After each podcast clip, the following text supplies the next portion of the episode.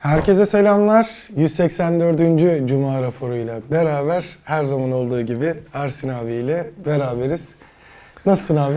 İyi Aydoğan, iyi. Ay bitiyor, yıl bitiyor. Bak 10 Aralık oldu bugün, değil mi? Evet. Ee, yılın başladığı zamanı hatırlıyoruz. Nasıl bitecek bu yıl bu virüsle bilmem neyle filan diyorduk. Allah'a şükür sapasağlam, firesiz götürüyoruz hala. Evet, benim sonunda işte hala geçmeyen Vi- var. virüs konusundaki şeyimizi ne derler, temasımızı. Bunu nasıl yapıyoruz? Hepimiz aşılarımızı olduk, Evet. değil mi? Üçüncü dozları Üçüncü bekliyoruz. dozları bekliyoruz. Bir an önce E-Devlet'te üçüncü dozu olabilir uyarısı görsek de gitsek olsak diye bekliyoruz. Hepimiz dışarıya çıkma başkalarıyla temas etme konusunda biraz şey davrandık. Ee, ne derler? Sınırlı Evet. davrandık. Ve bu şirketteki herkes dışarıdan herhangi bir virüs kapıp içeride bulaştırmasın diye elinden geleni yaptı. Evet. Ee, iyi, iyi gidiyoruz. Yani ben daha erken duvara çarparız diye bekliyordum. ne yalan söyleyeyim. Sağlık anlamında iyi gidiyoruz. Yani 2021'i firesiz götürüyoruz bu anlamda. Evet. Ee, o yüzden keyfim yerinde. Yani Covid'e karşı verdiğimiz mücadeleyi örnek mücadele olarak şey yapabilirim. İsimlendirebilirim. Sanırım bizim birlikte iş yaptığımız yani artık iş ortağımız diyebileceğimiz aynı sektörde faaliyet gösterdiğimiz onlar PR şirketleri olsun, cep telefonu markaları, teknoloji şirketleri olsun. Başka kimler var?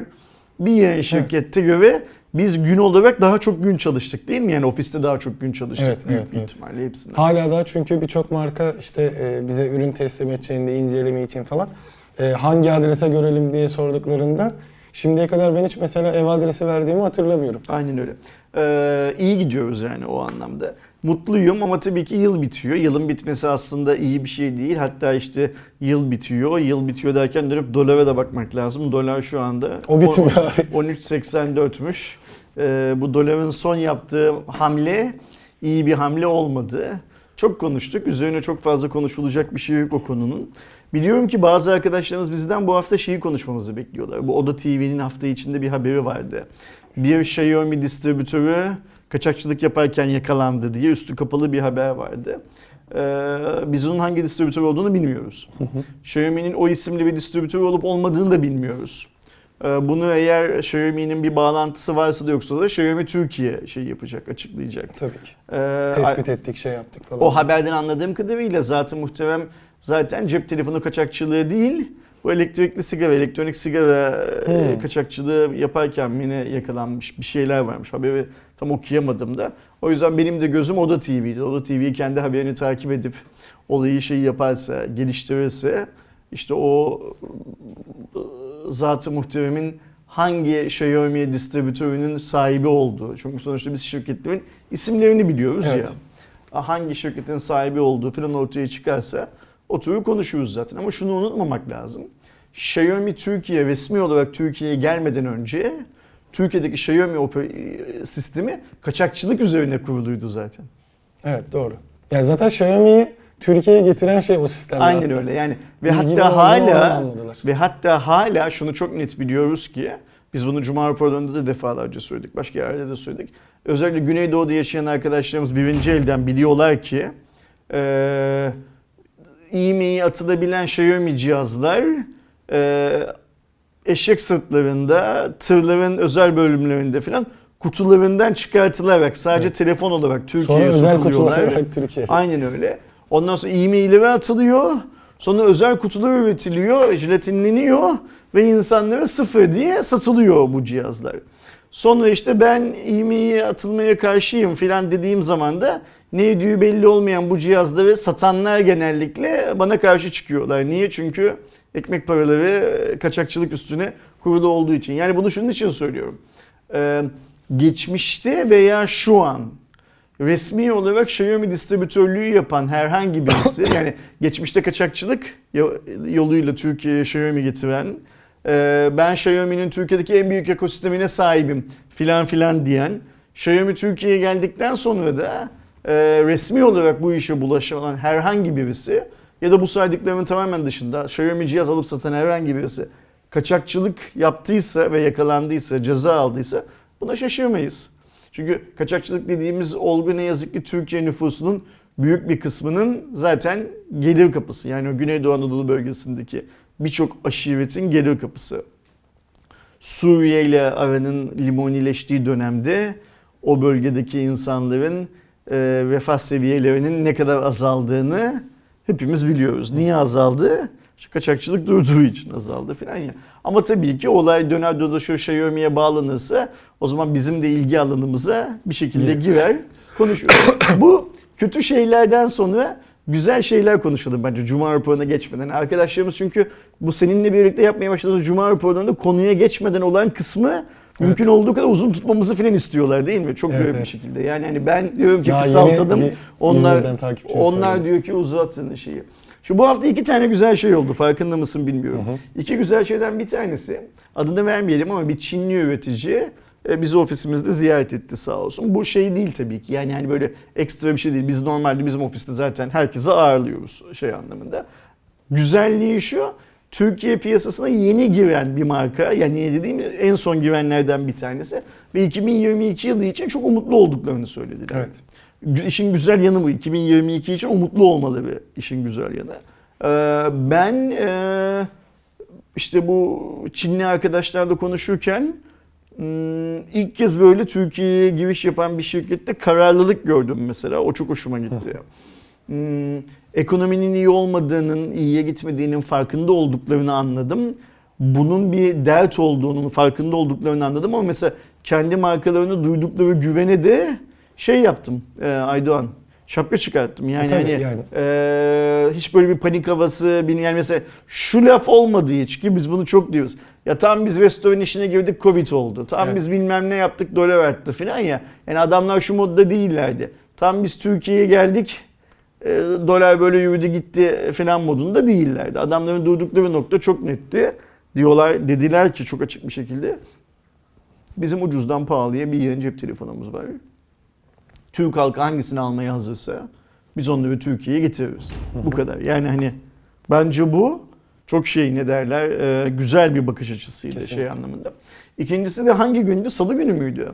Sen ben Doğuş Salı olması Salı lazım. günü Oppo'nun Türkiye'de yaptığı bir etkinliğe gittik. Biliyorsun bu etkinlikte üçümüz de NDA altındayız, imza altındayız. Yani çok fazla bir şeyler söyleyebilecek durumda değiliz.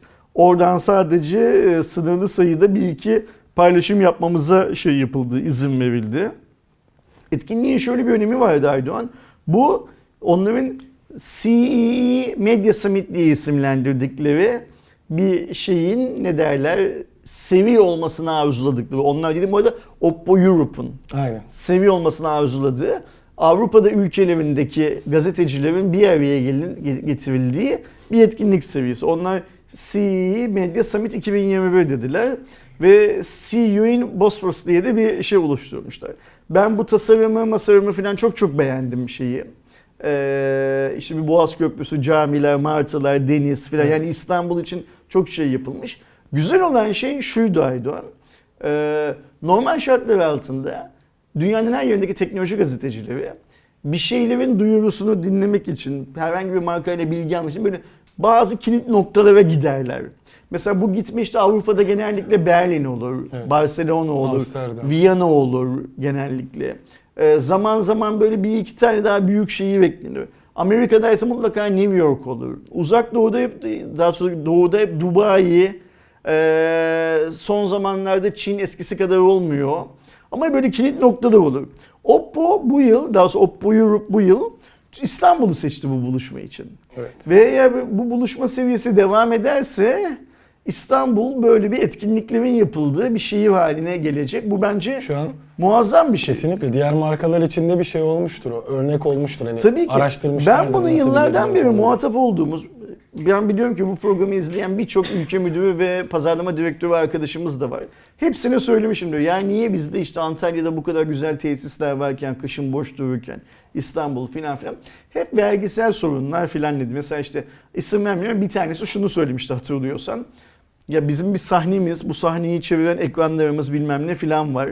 Biz bunu Avrupa'da istediğimiz ülkeye kamyona koyup götürüyoruz. E, Bir etkinliği İtalya'da yapıyoruz, İtalyan basınında. Bir etkinliği İspanya'da yapıyoruz, İspanyol basınında falan döndürüyoruz. Ama Türkiye'ye soktuğumuz zaman Türkiye'den çıkartamıyoruz bu kamyon şeyleri dışarıya. Geçici olarak şey yok evet. Yani hani böyle bir dert var. demişti mesela bir tanesi. Her neyse e, Oppo Türkiye bak dikkat Oppo Türkiye'de Türkiye'de e, Beşiktaş'taki Ortaköy'deki Four Seasons Otel'de muazzam bir etkinlik yaptı bence. Evet bence. Ve o 9 farklı ülkeden gelen gazetecilerin suratından İstanbul'da olduklarından memnun olduklarını, mutlu olduklarını öğrendik, gördük. Şimdi biz genelde bu yurt dışı gezilere falan gittiğimiz zaman nasıl bir otelde kalacağımızı çok fazla bilmeyiz ve genellikle şehir oteli denilen manzarası falan olmayan otellerde kalırız.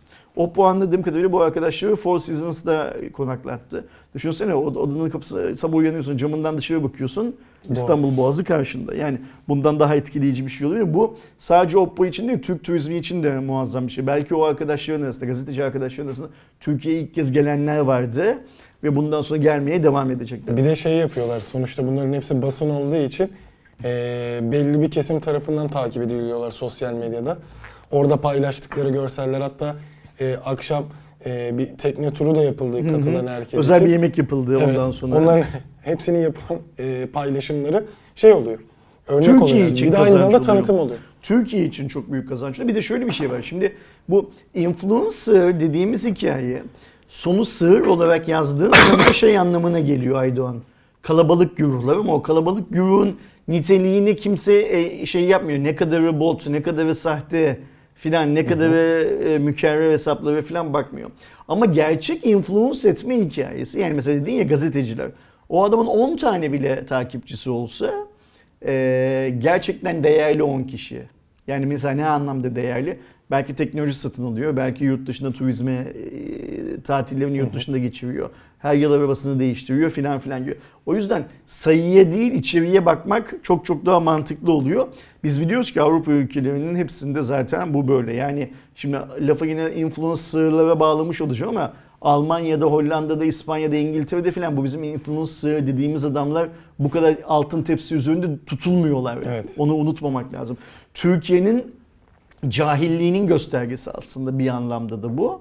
Eğer bunu uzun uzun konuşmamızı isteyen olursa bir yayında konuşuruz. Yani hani niye Türkiye'de bu influencer düşünsene 40 yıldır atıyorum Nivea krem kullanan annem attım bir tane kız çocuğu Nivea krem övüyor diye mutlu oluyor gibi bir durum var. Hani de Evet. şeyde. Ulan o kız doğmadan önce sen kullanıyordun zaten bunu. Ve Nivea da bundan mutlu tabii ki gibi başka bir durum var. Bu arada annem de Nivea'da kusura bakmasın aklıma ilk onlar geldi diye şey yapıyorum, e, söylüyorum. Bu etkinliğin ayrıca ikinci önemli bir yanı vardı. Ben bunu e, Türkiye teknoloji tarihi açısından çok önemli diye paylaşabildim ancak Twitter'da. Başka türlü paylaşmama biliyorsun orada gittik e, global yöneticilerle falan konuştuk. E, sağ olsun Oppo'dan Atıl yardımcı olmaya çalıştı filan filan ama olmadı yani hani adını koyamadık bir türlü. Niye o imza aldığımız NDA buna izin vermedi. NDA kırmak kolay bir şey. Türkiye'de NDA kıranlar var. Cezası yok bunun tabii ki Türkiye'de. O yüzden kırıyorlar. Yani cezayı yeseler kırmayacaklar ama önemli olan kırmamak. Önemli olan e, belli kabul ettiğin kuralların içinde hareket etme becerisini gösterebilmek. Şimdi biz ayın 15'inde bu Türkiye teknoloji tarihi açısından niçin önemli olduğunu ayrıca arkadaşlarımızla paylaşırız zaten. Evet. Önümüzdeki hafta Cuma günü burada Cuma raporunda da eee, bunun niye önemli olduğunu bir kez daha konuşuruz. Çünkü bu çok uzunca bir süre konuşmamız gereken bir şey bence. Ve Oppo Türkiye'ye bu etkinliğin ilkinin İstanbul'da yapılabilmesi için Avrupa'daki iş arkadaşlarını ikna ettikleri için de çok teşekkür etmemiz lazım. Yani bak Evet. Oppo telefon kullanabilirsin, Oppo'yu sevebilirsin, sevmeyebilirsin. Hiç işin olmayabilir Oppo ile filan. Ama 9 ülkeden Çi- gazetecileri, Çin'den, İngiltere'den, şuradan buradan Oppo yöneticilerini İstanbul'a getirip İstanbul'da 2 günlük bak bir günlük dedi 2 günlük muazzam bir etkinlik yapmak kolay iş değil. Evet. Ee, o yüzden Oppo Türkiye çalışanlarını özellikle şey yapmak lazım, tebrik etmek lazım. Çok iyi iş çıkarttılar ve etkinlik benim gördüğüm kadarıyla iyi işledi. Yani sorunları yok muydu? Vardı. Biz gittiğimiz dünyanın her yerindeki etkinliklerde sorunlar Evet. yaşanıyor zaten. O yüzden dert etmemek lazım. Ama e, e, tıkır tıkır işledi yani. Herhangi Evet. bir sorun olmadı. Kimsenin bir şikayeti yoktu, bir sorunu yoktu. Ben o gün orada olmaktan çok mutlu oldum. Onu söyleyebilirim. Yani şu geride bıraktığımız salı günü, 7 Aralık günü e, Feriye'de o kalabalığın içinde olmaktan çok mutlu oldum. Ki biliyorsun ben artık böyle etkinlikli, lansmandı bilmem neydi filan gibi işlerden eskiden keyif aldığım kadar çok keyif almıyorum ve hep hadi gidelim bilmem ne çok uzadı e, filan filan modunda oluyor Evet. genel anlamda. Huysuz ihtiyarlık artık, artık şey yaptı. Ne derler başladı. Ama güzel bir etkinlikti. Herkese tek tek teşekkür etmek lazım. Bence oraya ne kadar para harcandıysa her bir dolarının karşılığını Oppo mutlaka alacaktır. Hem Avrupa'da hem Türkiye'de her bir dolarının karşılığını alacaktır. Çok güzel bir şey. Bu etkinlikten bahsederken başka bir şey daha söylemek istiyorum. Şimdi ben bu etkinlikte iki tane fotoğraf paylaştım topu topu. O fotoğraflardan işte bir tanesi salondan bir tanesi de işte bunun önemli bir şey olduğundan. Her iki Aynen. fotoğrafı da kullandığım Xiaomi Mi 11 Lite fotoğraf şey cep telefonuyla çektim. Ve sol alt köşesindeki watermark otomatik olarak açık. Şimdi sosyal medyada bir tane arkadaşımız işte bunun çok yanlış bir şey olduğunu, ne derler, iş ahlakı olduğunu, Oppo'nun bundan ya şey göreceğini, rahatsızlık duyacağını, ayrıca Xiaomi'nin de Allah'ın kulu Ersin kalktı Xiaomi telefon kullanarak o fotoğrafı çektiği için Oppo'ya karşı üstünlük taslayacağını filan iddia etti. Bana farklı farklı platformlardan böyle mesajlar geldi. Ee, nedir seni rahatsız eden şey? Yani bunu anlamaya çalışıyorum. Bence rahatsızlık verecek herhangi bir şey yok da yani Oppo Türkiye bu işten rahatsız olduysa bile bence olmamıştır. Olduysa bile böyle bir rahatsızlığını dile getirmez. Çünkü şöyle bir şey var. O gün o salonda sadece Türk gazeteciler değil bulunan herkesin Oppo telefon kullanması gibi bir şey yok dünyada. Yani iPhone etkinliklerinde bile herkes iPhone kullanmıyor zaten. Evet. Nedir bu fanatizm? Yani sen zurnanın en son deliğisin belki. Bunu bana yazan adamdan bahsediyorum. En son deliğisin belki. Niye e, bununla bu kadar ilgileniyorsun? Ben Oppo reklamında oynadım diyor bana. O resmi silmen lazım. Ulan Oppo reklamında acun musun lan sen? Hıyar yani hani ne demek ben Oppo reklamında oynadım? Düşünebiliyor musun? Yani bak hani biraz önce dedik ki Türkiye'nin cahilliği falan diye. Türkiye ne yazık ki her geçen gün sadece daha cahil bir ülke haline gelmiyor. Türkiye her geçen gün böyle dallamaları da yetiştiren, kendi bağrından çıkartan bir ülke haline geliyor. Yani işi herkes her konunun en iyisini biliyor Türkiye'de. Hiç kimse şu konu benim olanım değil, ben bu konuyla ilgili e, düşüncelere sahip olsam da fikir beyan etmem şart değil filan diye düşünmüyor mesela. Bu insanları da bu toplum çıkartıyor Aydoğan kendi içinden. Bunu unutmamak lazım. Evet bir de fazla şey var. Hani işte Oppo reklamında oynadım. Marka benim artık hani durumu da. Bir de onun etkisi birazcık şeyin durumu anladığım kadarıyla. İşte ünlülerde e, işte örnek veriyorum e, Gal Gadot da olmuştu galiba yakın zamanda ilk işte Huawei reklamlarında oynarken Twitter'da şey iPhone'la paylaşım yapması falan filan Ya bu hesabı. hep olur şimdi mesela. Ama yani biz şey- zaten basınız bir de yani bizim ya telefonları basına, zaten değiliz. yurt dışında falan Türkiye'de biz şunu görmüyor muyuz? Bu yıl Huawei'nin kullandığı influencer yani hani ünlü bir sanatçıyı bir sonraki yıl Oppo Oppo anlaşıyor. O da kullanıyor. Bir sonraki yıl Samsung anlaşıyor. O da kullanıyor. Yani hani burada şey çok garip. Bu denyoların kendilerinde bunu söyleyebilecek gücü ve cesareti bulabiliyor olmaları çok garip. Şimdi toplumun kültürel yapısı o hani hmm, örnek almamız gereken ülkelerin kültürel yapısı seviyesine çıkmış olsa böyle böcekler konuşamadan ezilirler zaten. Nerede ezilirler? Toplumun çarkları arasında ezilirler. Ulan hıyar sen cahilsin her şeyden önce. Yani şu yazdığına bakarsak sen cahilin en önde gidenisin. Sen kendini neyin sözcüsü, neye karşı tavır alıyor olarak algılıyorsun. Bak burada şeye karşı değilim. Bu adamlar değil sadece. Herkes böyle şeyleri düşünebilir. Ama şey çok garip. Yani ben bir Oppo kullanıcısı olarak bundan rahatsız oldum diyebilirsin. Ben bir Xiaomi kullanıcısı olarak bundan rahatsız oldum diyebilirsin. Ben seni takip eden bir adam olarak bundan rahatsız oldum diyebilirsin. E o, o bunların hepsi senin sorunun. Ama yani o küçücük fındık kadar beyninde bu Oppo'yu rencide edebilir. Xiaomi de bu noktadan yola çıkarak Oppo'ya karşı üstünlük iddia edebilir filan gibi bu şeyler, şehir efsaneleri kur. Bak bir de bu adamlar bu fikirleri birbirlerine satıyorlar. Evet. Ondan sonra da 16 yaşındaki kız çocuğu karşımıza geçiyor. Aşı olmayacağım diyor. Niye ben vücuduma için, içeriğinin ne olduğunu bilmediğim bir sıvıyı zikrettireyim diyor.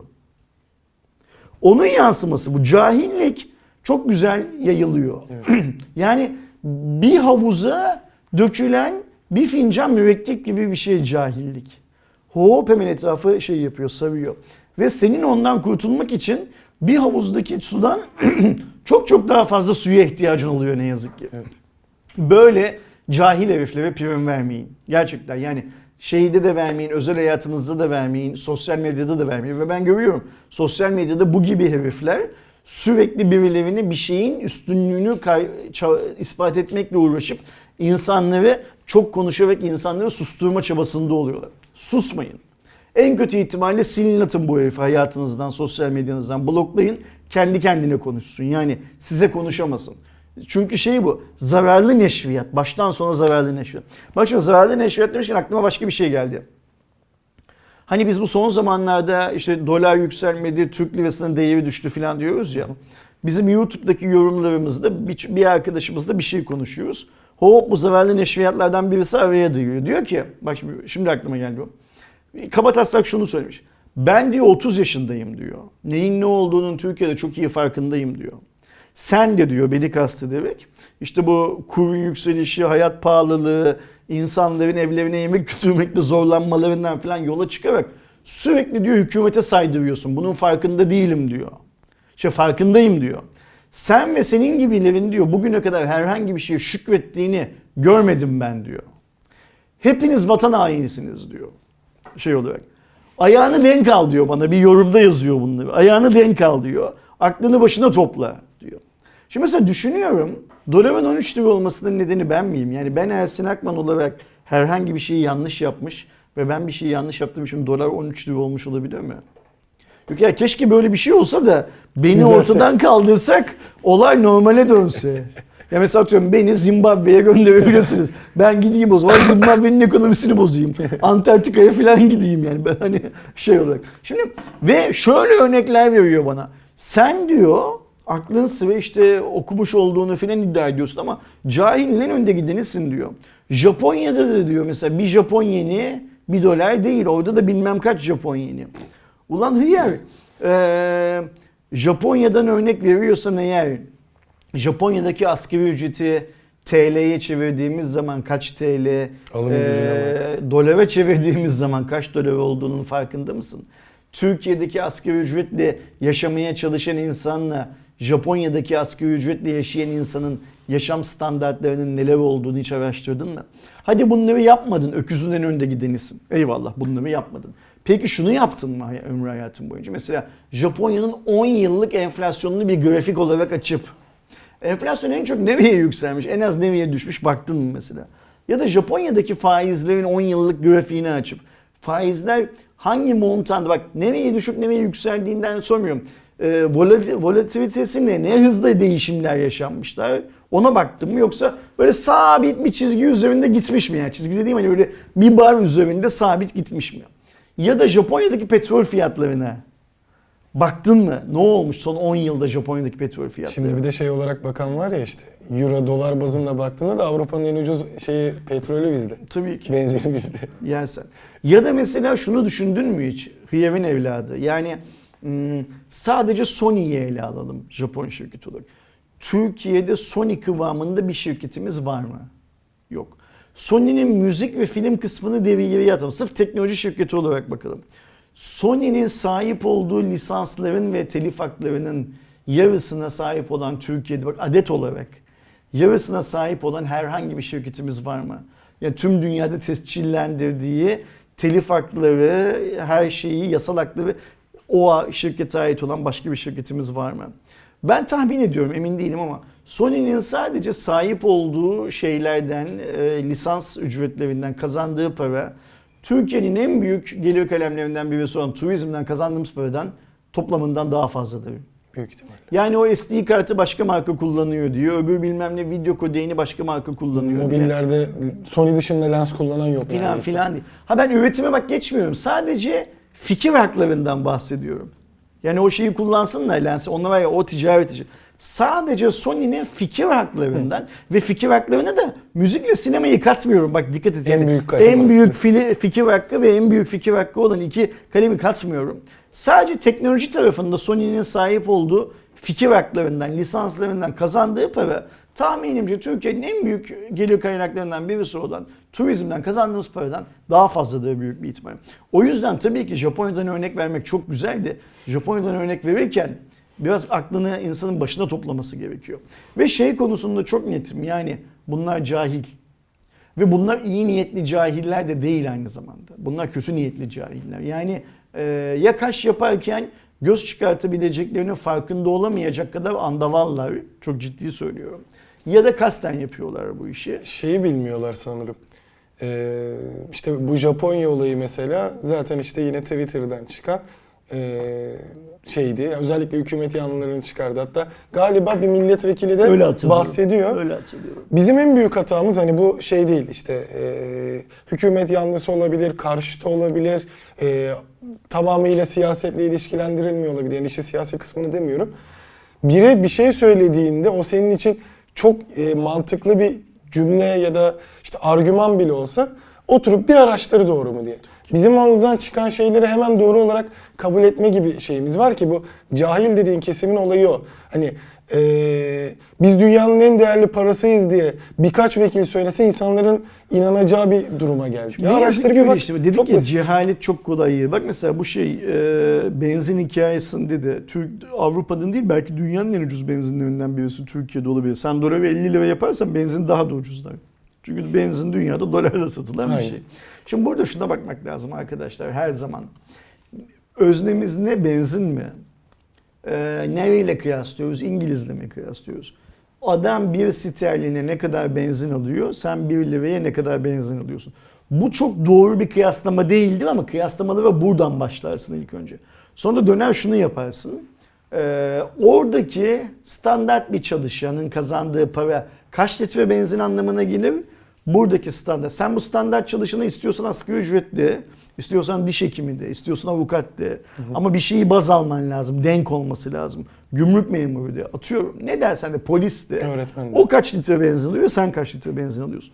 Ya da bir başkası kaç. Eğer o adam 1 lirasıyla senin 1 lirandan daha çok benzin alıyorsa işte atıyorum bir polis maaşıyla orada 10 litre benzin alınırken ayda senin ülkende 5 litre benzin alınıyorsa benzinin orada fiyatının senin ülkenden pahalı olması bir şey ifade ediyor. O ülke senden daha zengindir. Aynen.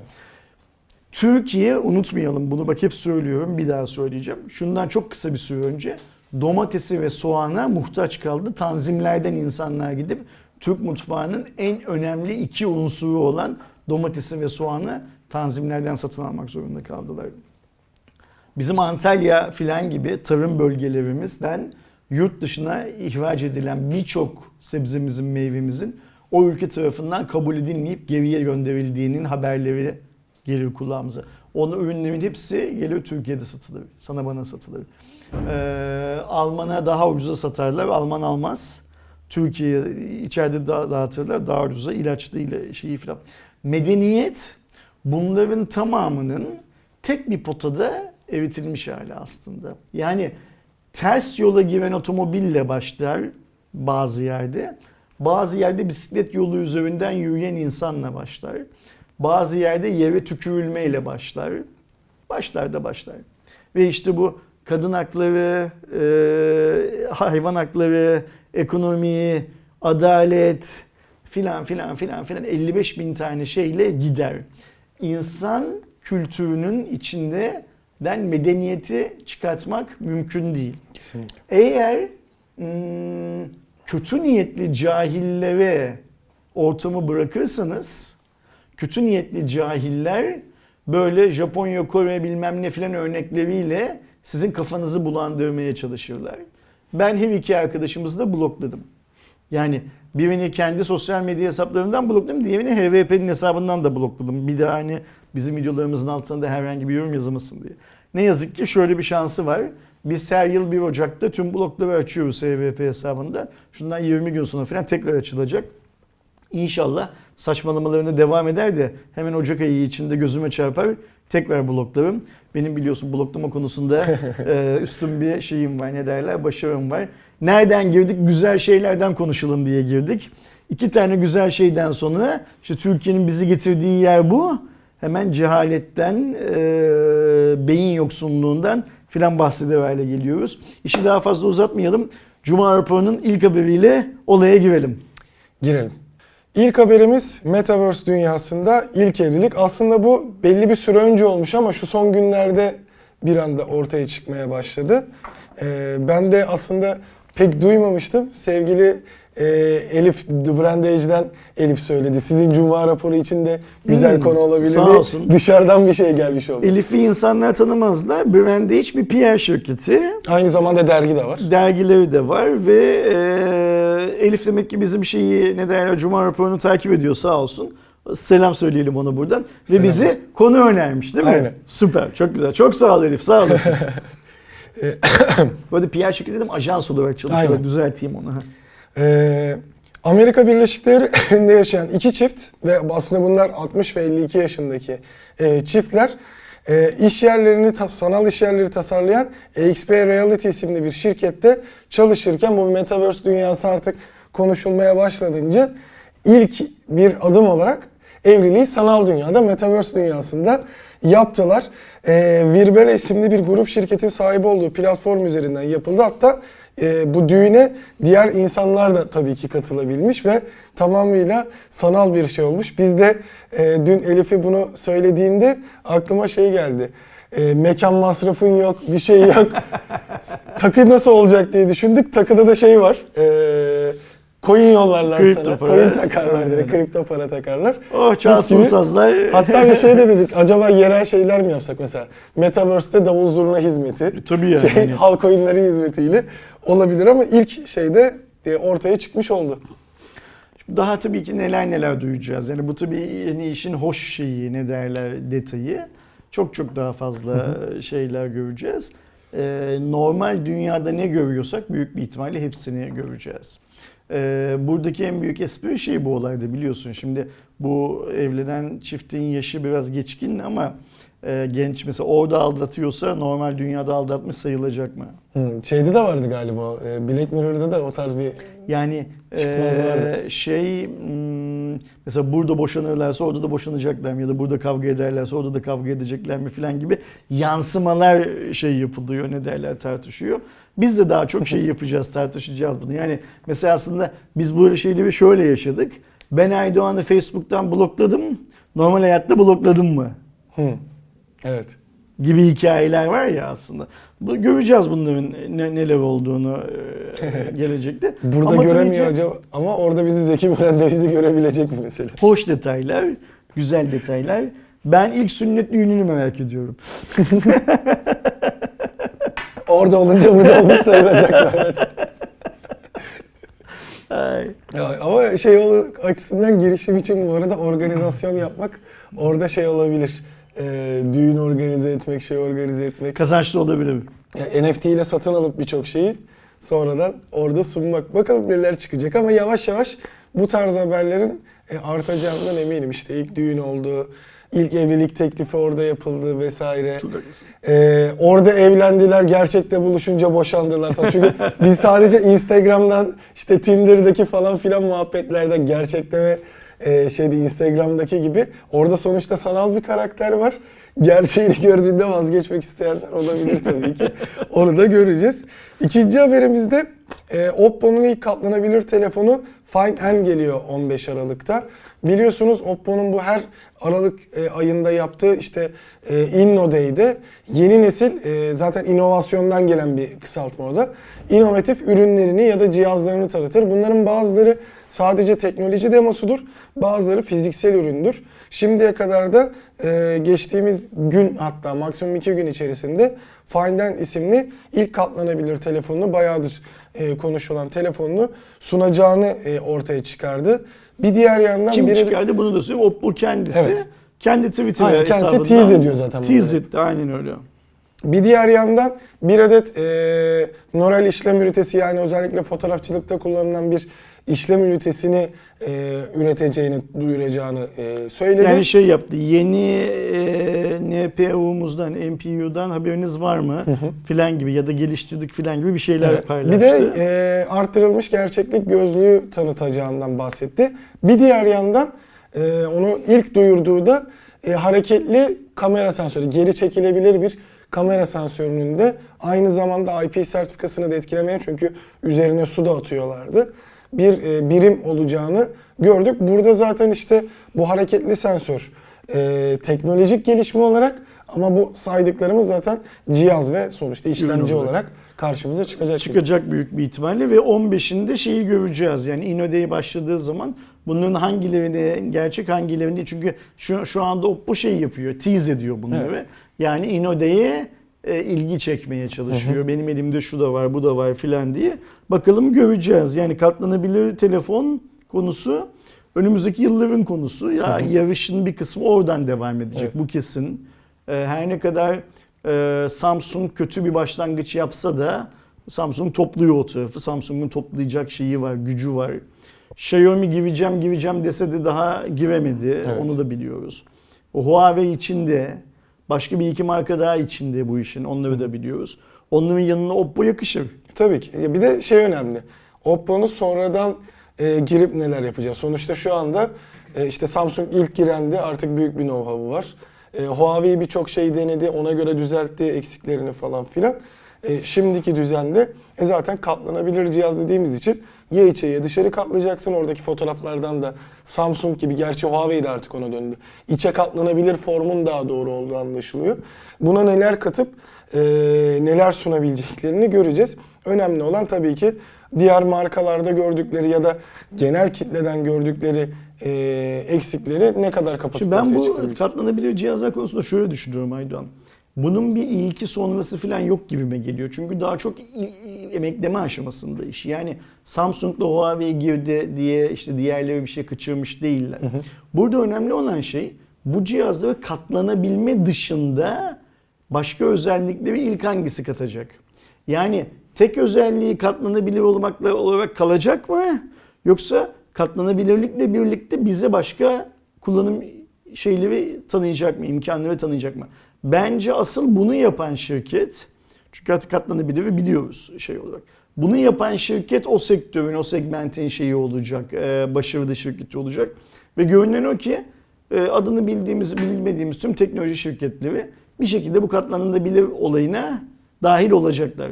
Öyle Bana da görünüyor. öyle geliyor. Yani artık birazcık o form değişikliği hani bunu çok konuştuk artık bir yenilik olarak e, görüldüğü için yavaş yavaş o tarafa doğru kayıyorlar. Diğer cihazları da zaten hani geçen sene ben InnoDay'i takip etmiştim. E, eğlenceli de bir sunum yapıyorlar. Sıkıcı da olmuyor. Burada da belki daha çünkü Oppo'nun şey huyu da vardır.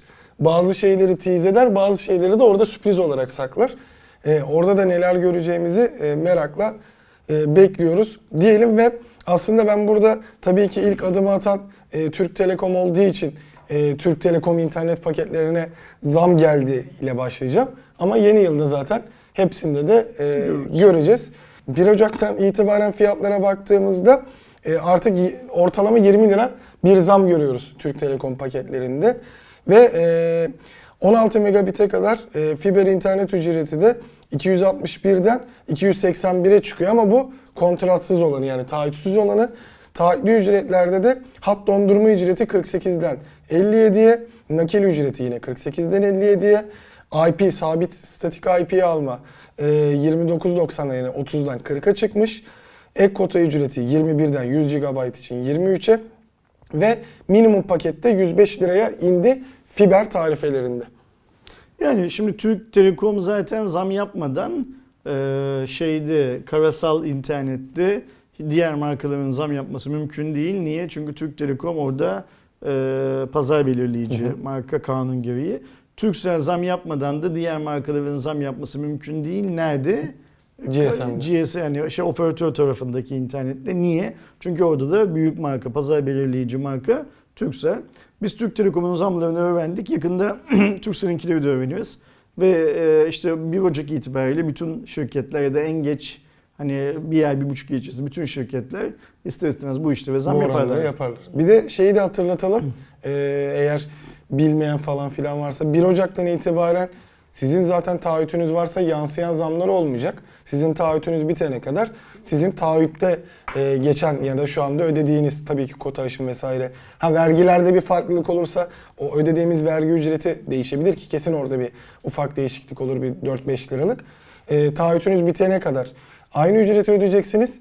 Taahhüt yenilemeniz ya da farklı bir pakete geçmek istediğinizde bu ücret tarifelerinden e, satın alacağınızda e, söyleyelim.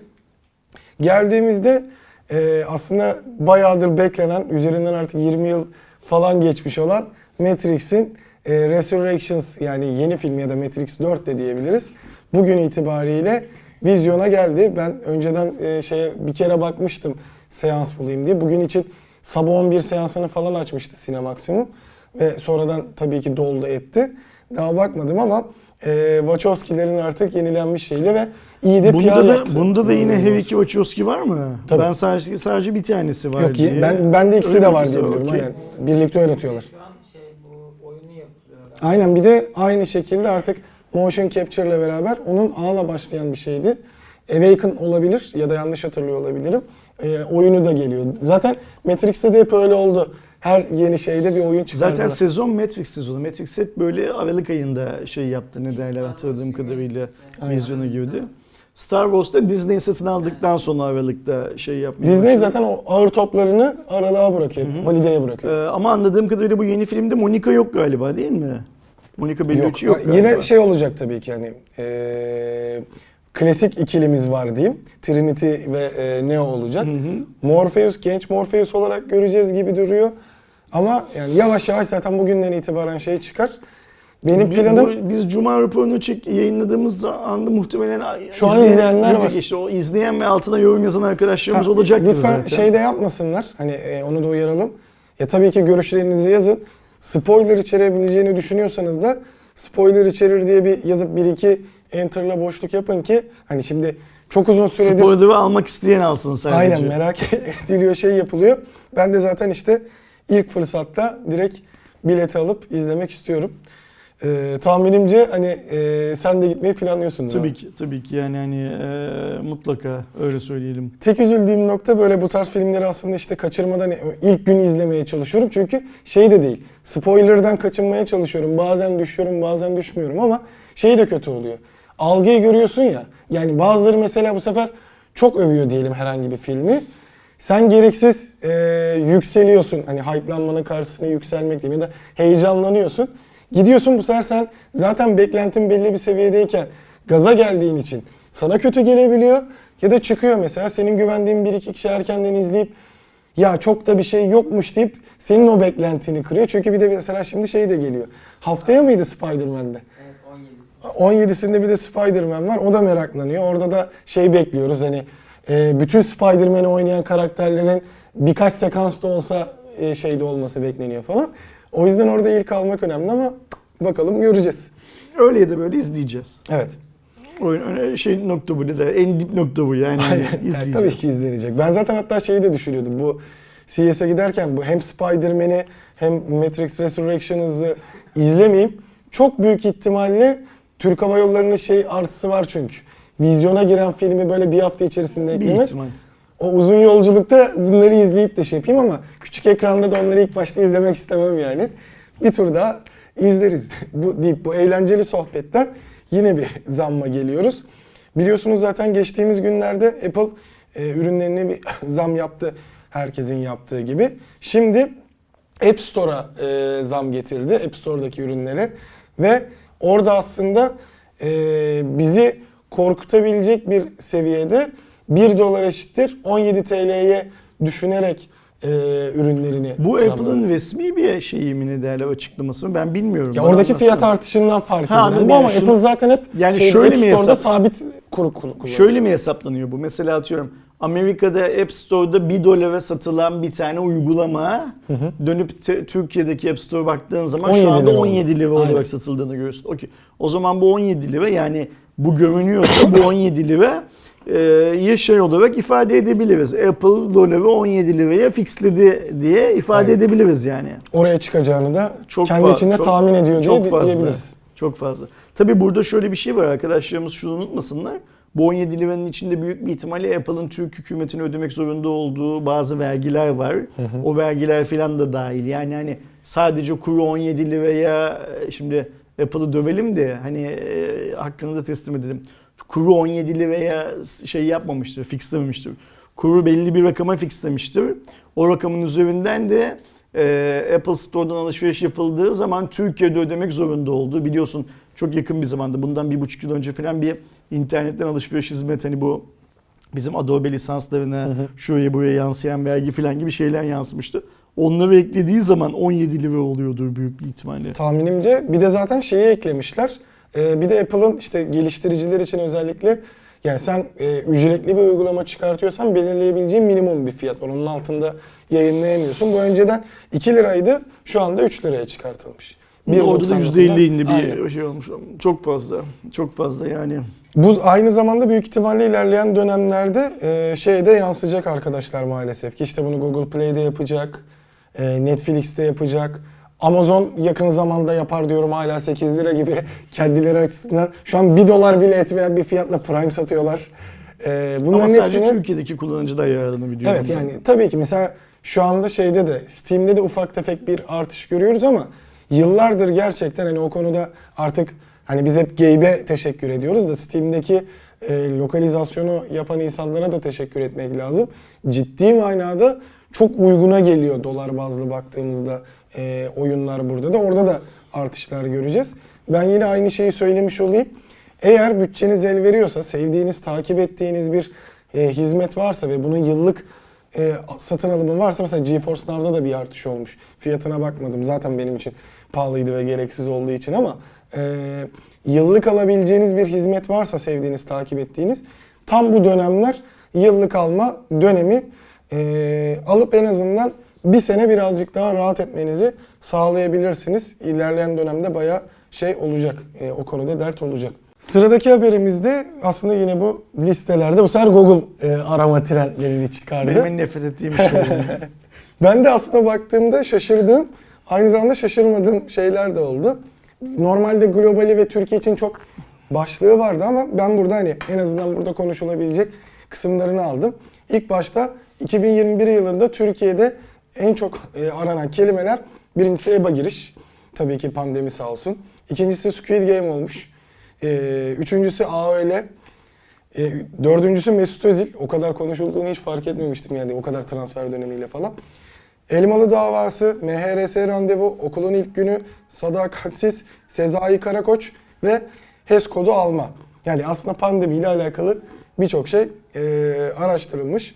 İsimlere baktığımızda Mesut Özil, Ebrar Karakurt, Mahmut Özer, Burak Elmas, İrfan Can Kahveci olmuş. Yine futbol ağırlıklı.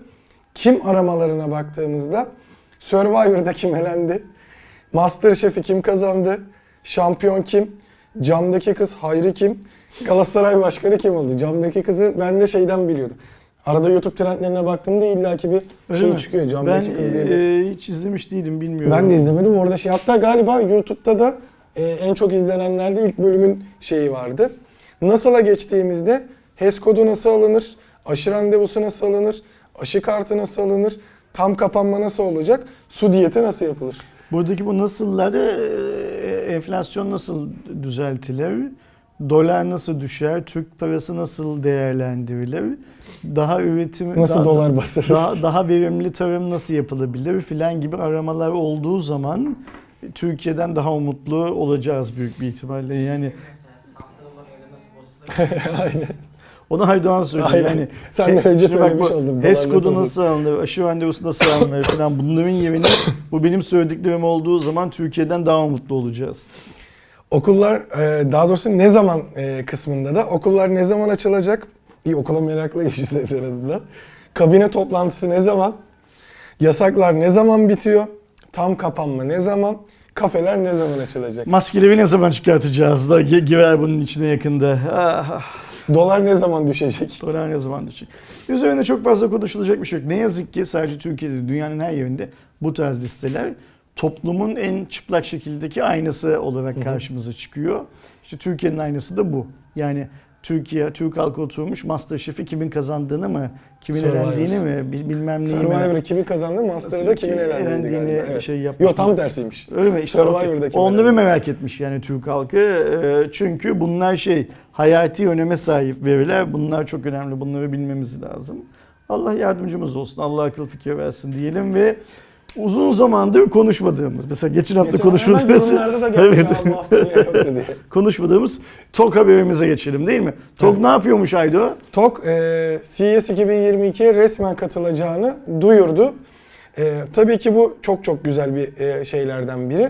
Benim oradaki en çok merak ettiğim konulardan biz orada nasıl bir TOK göreceğiz? Çünkü sonuçta artık şu anda bir prototip aşamasında testleri yapılıyor. Yani aslında e, bizim orada e, bizim video olarak size aktarabileceğimiz şey TOG'un satın alınabilir haline en yakın hali olacak. Artık satın alınabilir olması lazım. Çünkü E, bu tabii. CS yani. yani buraya prototip araç götürmezsin diye tahmin ediyorum. Yani. Şimdi biz TOG'un bir şeyler yapacağını bundan bir ay önce söylemiştik zaten. Ee, bizim bildiğimiz şey TOG CS'e ana sponsor olmaya çalışıyordu. Öyle duyum almıştık biz. Dolar kuru yükselince Ondan mı şey Bilmiyorum yapmışlar? Bilmiyorum yani. dolarla sponsor oluyorsun Hmm, çünkü. Benim kaynaklarım işte hani o yayında da söylediğim gibi TOG'un CS 2022'nin ana sponsoru olmaya çalıştığı ve bu anlamda bazı girişimlerde bulunduğunu söylemişlerdi. Biz de o günkü Cuma raporunda TOG büyük bir işe kalkışıyor. Belli olduğu zaman ayrıca konuşuruz demiştik. Şimdi e, bana ve yani şey diye düşünmeyelim. TOG ana sponsor olmaya çalıştı da parası yetmedi ya da beceremedi diye düşünmeyelim. TOG CS 2022'ye katılıyor diye düşünelim. Bu da çok güzel bir şey. En başından beri ne diyorduk? Bir ortaya çıkın ya diyorduk değil mi? Gövünün yani Direkt bir ilk yerlerde. başta tüm dünyayı ortaya Aynen çıkacaklar. Ee, şimdi bu vizyon olarak güzel bir şey tabii ki. Ama tabii To- TOG'un eğer senin söylediğin gibi prototip araç takı- katılırsa çok dayak yer. Bunu unutmaması lazım. Ya, prototip araç olarak katılan çok şey oluyor ama hani Şimdi oluyor Katılan ama firmalar şey var. Aynen öyle. Oluyor ama katılan firma var, katılan firma var. Şimdi sen herhangi bir konuda dünyanın en iyisiysen ve zaten senin hala hazırda o konuyla ilgili ürünlerin varsa e, bir sonraki şeyle ilgili, bir sonraki üzerinde çalıştığın teknolojiyi tease etmek için prototiple katılabilirsin tabii ki. Ama sen TOG'san elektrikli otomobil yapmak için yola çıktıysan ve gün verdiysen insanlara, fabrikam yapılıyor şu gün olacak dediysen o zaman CS gibi çok önemli bir fuara prototiple katılırsan CS'e giden Türk basını gıkını çıkarmaz ama dünya basını e, ağzının payını verir sana. yani ben buradaki yani iki yıl oldu sanırım değil mi? İlk duyurusunun yapıldığı şeyde Gebze'de ama Gebze'de diyorum şeyde bilim Bilişim Vadisi. Bilişim Vadisi'nde. Ben oradaki aracı da yakından görmüştüm. Oradakiler tabii ki prototip yani böyle bir şey planlıyoruz diye. Ne kadar değişip değişmediğini tekrar zaten Ersin abiyle yaptığımız değerlendirme videosundaki detaylara da bir göz atarak bir bakarım neler değişmiş neler değişmemiş diye.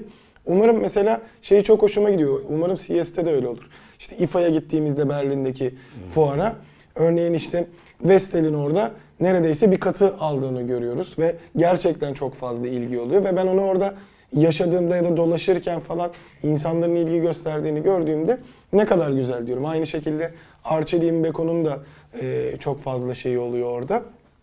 Aynı durum mesela CES'te nasıl bir alanları olacak? O da benim için önemli. Yani küçük bir alan olursa en azından hani katıldık demişler derim. Sanmıyorum ben. Ama bence de orada devasa bir şey olacaktır. Yani bu TOG'un e, dünya, lansmanı, lansmanı gibi aynen. bir şey diye anlıyorum ben ve şöyle bir şey var. TOG orada sadece otomobili değil. TOG Teknolojileri orada var. aynen öyle yani hmm, kendini bağlayacak olan bazı başka açıklamaları da yapmak zorunda. Nedir o bazı başka açıklamalar? Mesela biz pil konusunda şunla kesin çalışacağız. İşte fren konusundaki çözümümüz bu. İşte benim şu dalga geçtiğim yan aynalar ayna mı olacak, kamera mı olacak? Bir modelde öyle bir model. Yani kendini bağlayacak bazı şeyler söylemek zorunda TOG dünyaya. Diyorum ya böyle işte e, bayramlıklarını giyip arabanın yanında, gerçek olmayan bir arabanın yanında fotoğraf çektirdiğin zaman Türk halkı yer bunu. Çünkü Türk halkı zaten TOG'un başarısını istiyor. Türk halkı zaten TOG'u bir an önce görmek istiyor ne menen bir şey olduğunu. Ama eğer senin hedefin gerçekten TOG'u yurt dışına da satmaksa CS gibi bir yetkinliğe çok hazırlıklı gidiyor olman lazım. Orada etinin kemiğinden ayırırlar. Yani Evet. Ya şeye de gerek Yurt kalmaz. dışındaki otomobil masasına nasıl bir e, tanım Şimdi ben tahmin ediyorum ki büyük bir ihtimalle TOK CEO'su zaten orada bir soru cevap session'ına falan Bence de girmeyecektir. bir, lan- ben de bir ufak bir lansman yapılır Ya bir lansman yapılır büyük bir ihtimal ama böyle soru cevabı falan girmeyecektir büyük bir ihtimal. Çünkü maazallah zor sorarlar falan yani hani birisi kalkar Türkiye'nin ekonomik durumuyla TOG'un gelişimi arasındaki şeyi sorar, bağlantıyı sorar. Adamcağız kalkıp cevap vermek zorunda falan kalır sonra koltuğundan olma ihtimali var ya. O yüzden hani öyle hikayelere falan girmeyecektirler büyük bir ihtimalle. Ama ona rağmen yine de hani bu İngiliz'in commitment dediği hikayeleri kendilerini bağlayıcı bazı e, fikirlerini orada ifade etmek zorundalar. Ayrıca buradan şunu anlıyoruz. TOG'la başlayan bu seviye TOG'la bitmez. Bunun da otomobil fuarları var ve her fuarda yani CS ile başlıyor. e, pardon CS'le başlayan özür dilerim. Ve her fuarda e, TOG'un kendini bağlayan daha çok laf etmesi gerekecek. Bundan sonraki evet bence de otomobil Yani fuarlarında bu bir sonraki gal- bildiğim kadarıyla fuar galiba Frankfurt'taki otomobil fuarı. olmasa. Bu, Bir uzak doğuda bir tane yapılıyordu. O şeyde yapılıyor. E, sonbaharın başında yapılıyor. Ondan önce galiba şey var Frankfurt fuarı tam emin değilim şeyden. Ama şu bir gerçek ki biz CS'de TOG'u gördükten sonra dünyanın büyük otomotiv fuarlarında da TOG'u görmeye başlarız artık. Ve her fuarda ya yeni bir model ya yeni bir prototip. Yani artık çünkü bir tane çalışır araç mutlaka lazım. En az bir tane.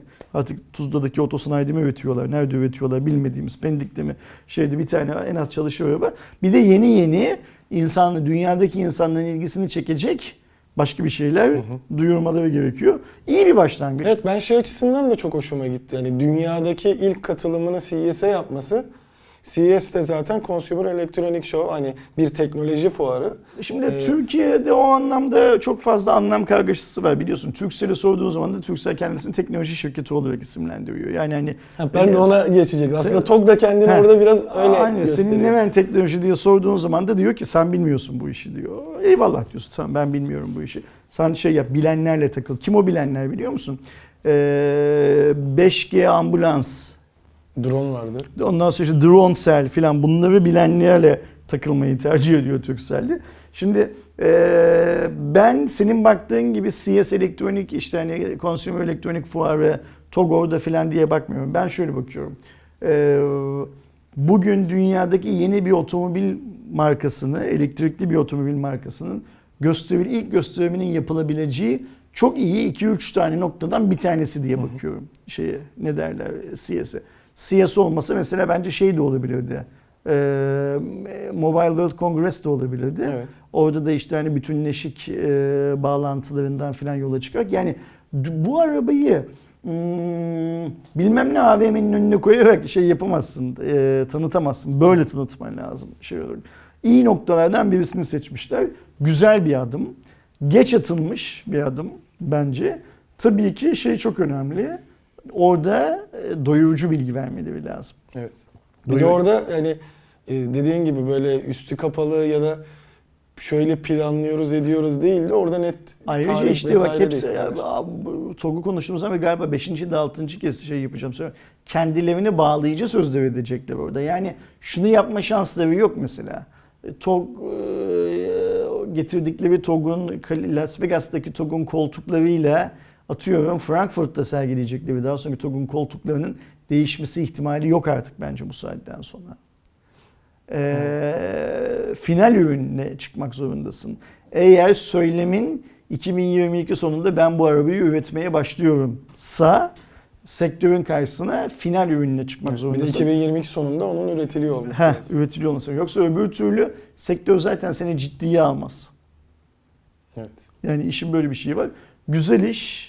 Ee, mesela bu haberden sonra senin de bu yıl şeye gidiyor olman, CS'e gidiyor olman bizim açımızdan da Hardware Plus açısından da güzel.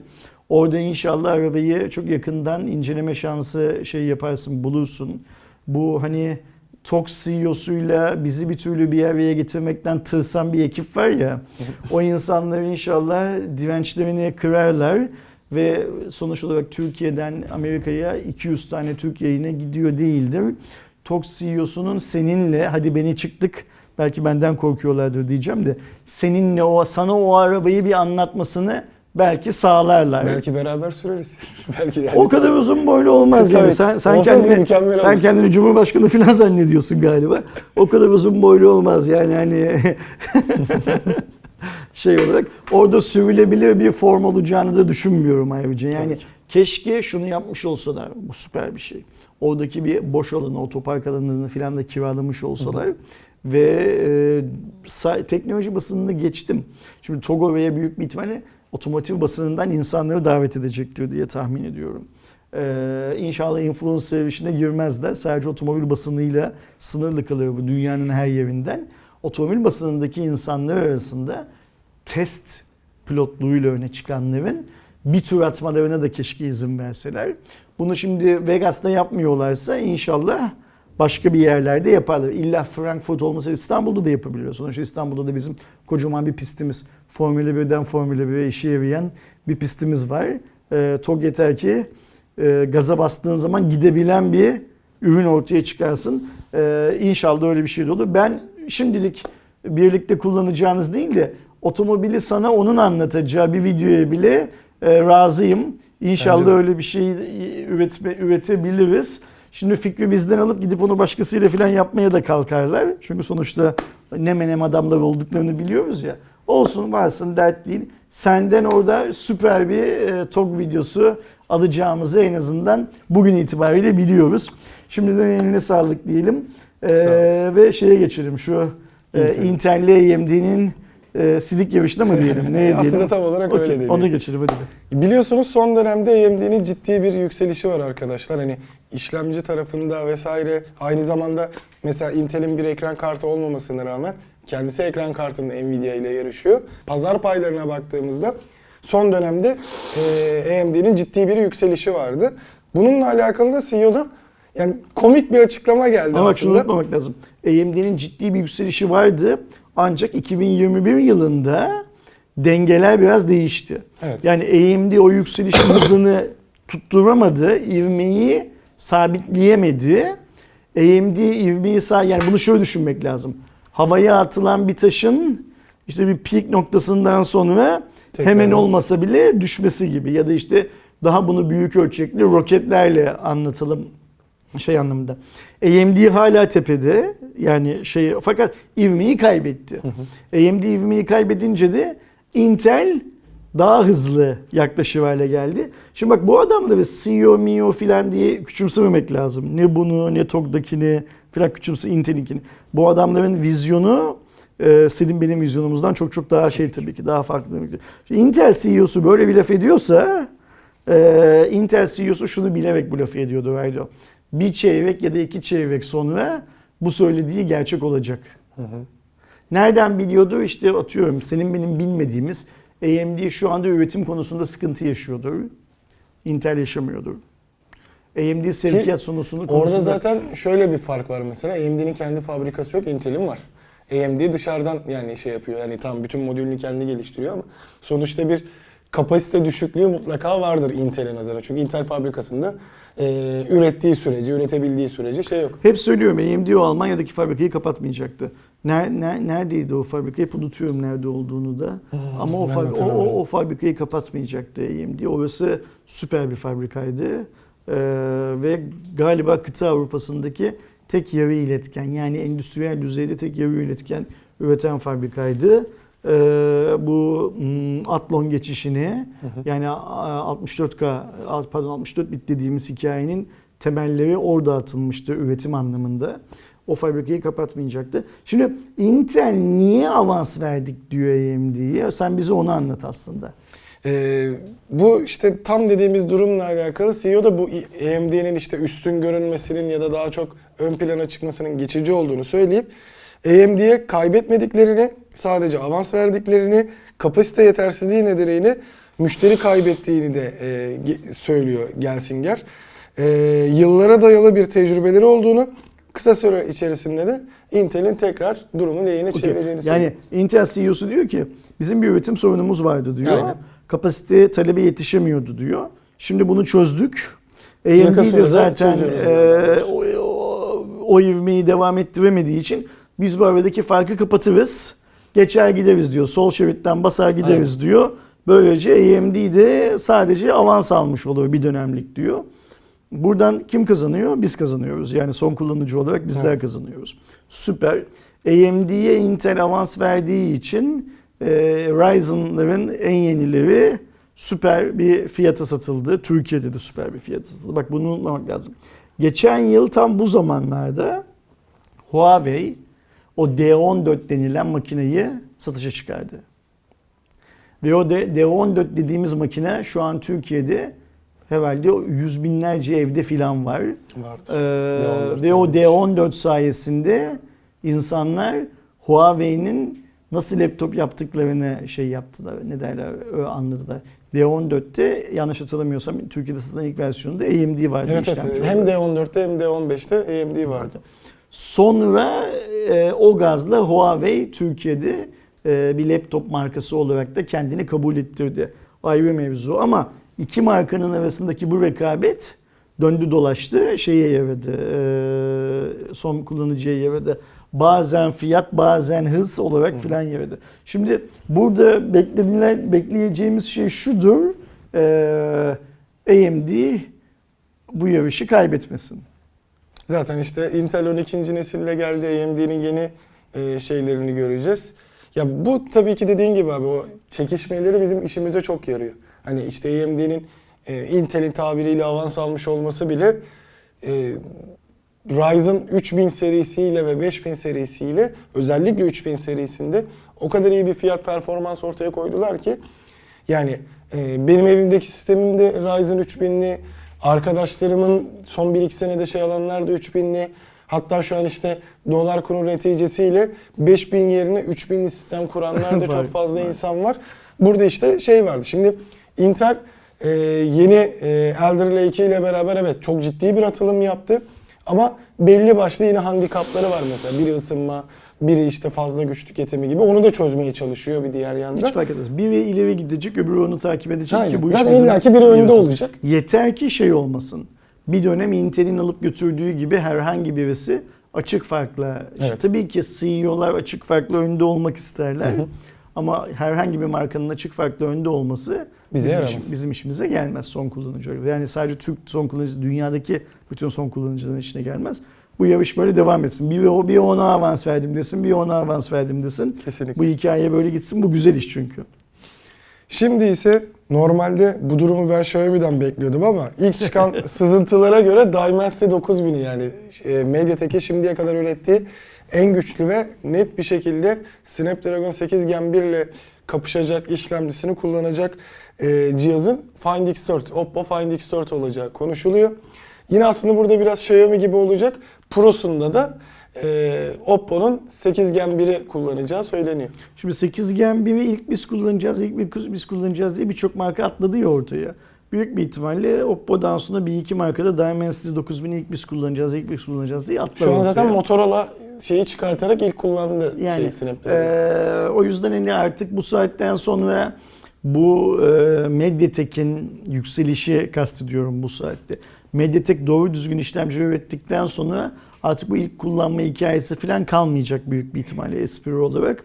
Ve her marka eee, önemli telefonlarının tamamında bir Qualcomm'lu bir Mediatek'li işlemci ee, yani bütün katalogda olmasa bile o yıl içerisinde çıkarttıkları önemli telefonların en az yarısında bunu kullanıyor hale gelecekler. Evet. Çünkü dünyanın her yerinde muazzam bir şey var. Fiyat rekabeti var. Fiyatı çeşitlendirmenin en kolay yolu da şey yapmak. E, işlemciyi çeşit- Tabii. çeşitlendirmek. En bir şey temel şey olduğu için. Sadece burada Mediatek için tek bir dezavantaj var. Ee, rakibi diyebiliriz artık rahatlıkla Snapdragon'a. Snapdragon e, markasının olan cihazlar hep Pro takısını alıyor. Orada bir şey olabilir ama burada zaten zaman içinde test ettiğimizde deriz ki şey algısını da oluşturabilir. Bence ona e, rahat oluyor. Pro alacağınıza bunu alın aynı işi çok rahat yapabiliyorsunuz. durumu. Bunlar işin pazarlamasyon kısımları. Bunları hallederler. Burada daha garip olan başka bir durum var Erdoğan. Şimdi Mediatek büyük oynuyor. Geriden geldiği için de büyük oynamak zorunda. Yani küçük oynayarak aradaki farkı kapatamazdı. Evet. Büyük oynuyor. Büyük oynamak demek hep büyük risk alıyor anlamına geliyor.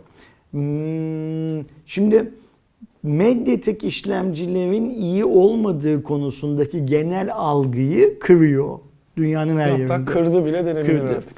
Bugünden sonra ayağı bir teklerse, toparlarsa, bir yere takılırsa mahvolacak. Evet o, da, o risk de çok büyük. yani e, insanlar çünkü üçüncü bir şansı vermeyecekler şey anlamında. Ve tamamen bitecek. Şimdi Mediatek de bunun farkında zaten. Olayı biliyor. E, o yüzden de e, bence e, şey konusunda işin pazarlamasyon kısmını bugünden sonra yani 2020 artık 2022'deyiz artık 2021 unutalım. Bugünden sonra çok fazla şey e, ne derler anlam yükleyecek ister istemez. Agresif pazarlamalar yapmaya başlayacak. Ve bak biz şöyle videolar göreceğiz dünyanın her yerinde. Hani bu çok izlenen süper YouTube kanalları var ya. O adamların testlerinde e, Mediatek işlemcili senin o Pro takısı olmayan cihazların Pro takısı olan cihazlara göre yani 8 Gen 1'e göre daha iyi sonuçlar elde ettiğini göreceğiz marka bağımsız olarak. Evet. Şimdi buradaki talihsizlik şu.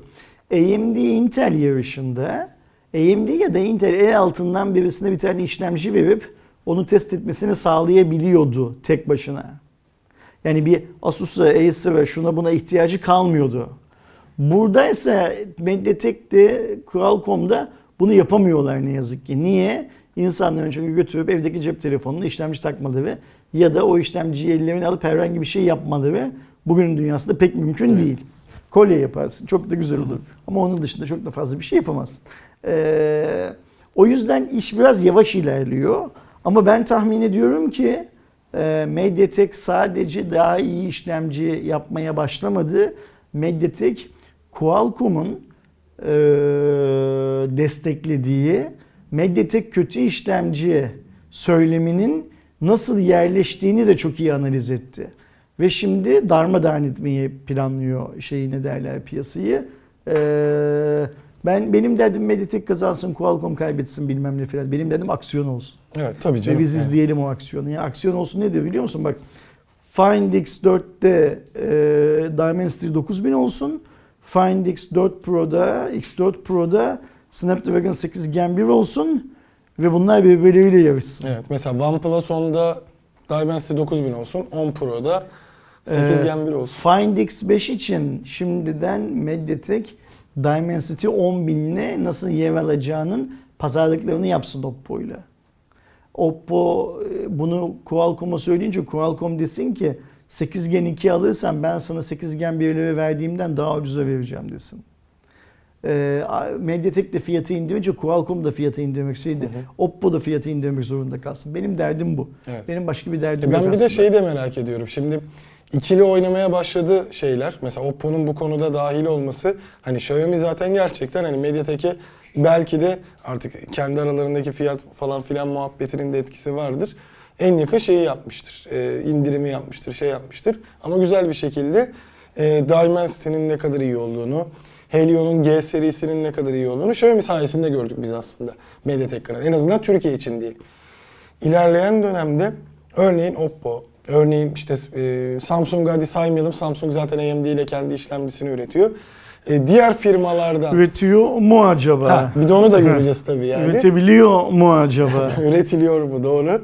E, yine Oppo'dan örnek verelim hani şey olarak. Oppo mesela Find X5'te Snapdragon değil de Dimensity sadece kullanırsa o zaman şeyi de görmüş oluruz. Sonuçta bu markalar sadece parayı değil oturuyorlar o işlemciyi test ediyorlar. Kendi cihazlarını uyumlu hale getiriyorlar. Ee, ya da uyumlu mu değil mi diye bakıyorlar. Üretilme aşamasında içinde bulunup e, işlemci üreticisinin kendi cihazları için optimize etmesini Evet. sağlıyorlar. Ee, bu aşamalarda ya tamam artık hani e, işte Snapdragon pahalıydı tamam iyi performans veriyor falan. Ben artık Snapdragon'a ihtiyaç duymuyorum diyebilecek büyük bir marka çıktığı anda devir artık değişmiş olur. Aynen öyle. Ben de onu merakla bekliyorum hani nasıl bir şey olacak, nasıl e, sonuç çıkacak. Ve değişen mevsimde şartlar da değişir. Tabii ki. yani yazın kaban giyilmez. Bakalım ne olacak? Aynen öyle. Diyerek son haberimize geliyorum. Ee, İstanbul Büyükşehir Belediyesi güzel bir e, şeyle yani düşünceyle OGEM yani Oyun Geliştirme Merkezi'ni açtı. Böylece işte oyun geliştiriciler, yazılım meraklıları İstanbul'da ki olanlar tabii ki e, kamu destekli bir şekilde burada genç girişimciler kendi oyun geliştirme işlevleriyle alakalı birçok desteği bu merkezden alabilecekler. Hayırlı olsun diyelim. Yani ben Ekrem Başkan'ın hmm, şu popülist yaklaşımlarından rahatsız olan bir insanım. Rahatsız olduğumu da şey yapıyorum, e, her ortamda ifade ediyorum.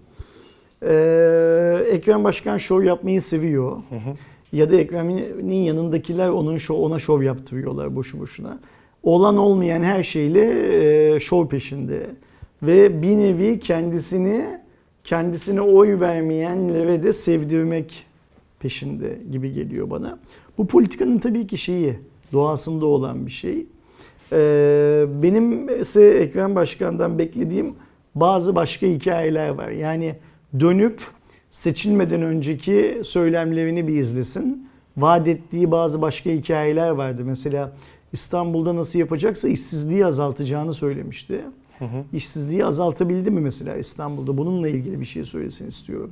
Şeyi görmüştüm sadece bu başvuru merkezlerini falan filan açıp Okey oradan. işte yani bir iki kere böyle bir söylem oldu ama ne- şu ana kadar İşte mesela o- kaç kişi aynen iş öyle, kazandı oradan? aynen öyle.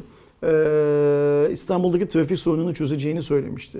Mesela İstanbul'daki trafik sorununu çözdü mü bugüne kadar? İstanbul'un herhangi bir noktasında trafiği azalttı mı? Azalttıysa onu söylesin, onu göstersin bize. Bakın burada şöyle bir sorun vardı. Şöyle şöyle yaptık ve bunu azalttık desin.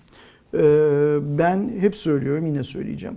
İstanbul trafiğindeki en büyük sorun bence taksiler değil.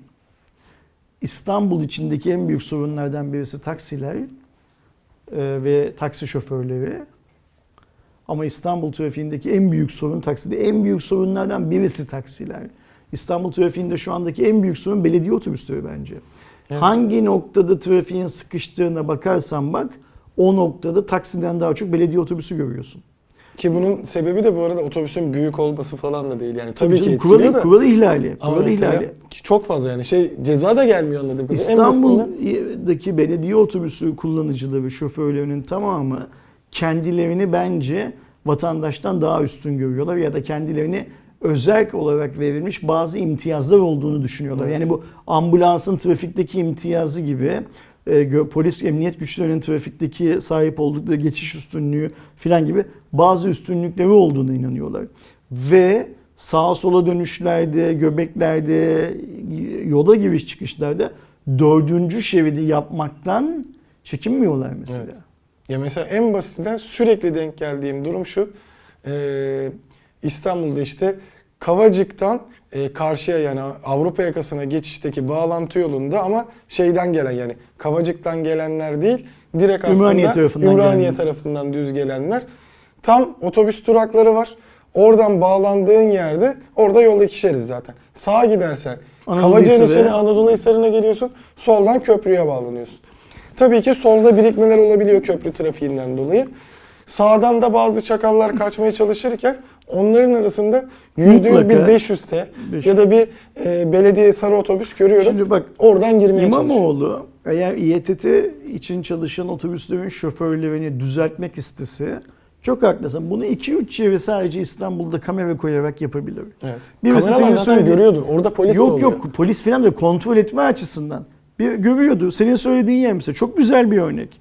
O durağın karşı tarafı çok güzel bir örnek. Yani bu sefer Kavacık'tan Kozyatağı'na doğru gidiş tarafı.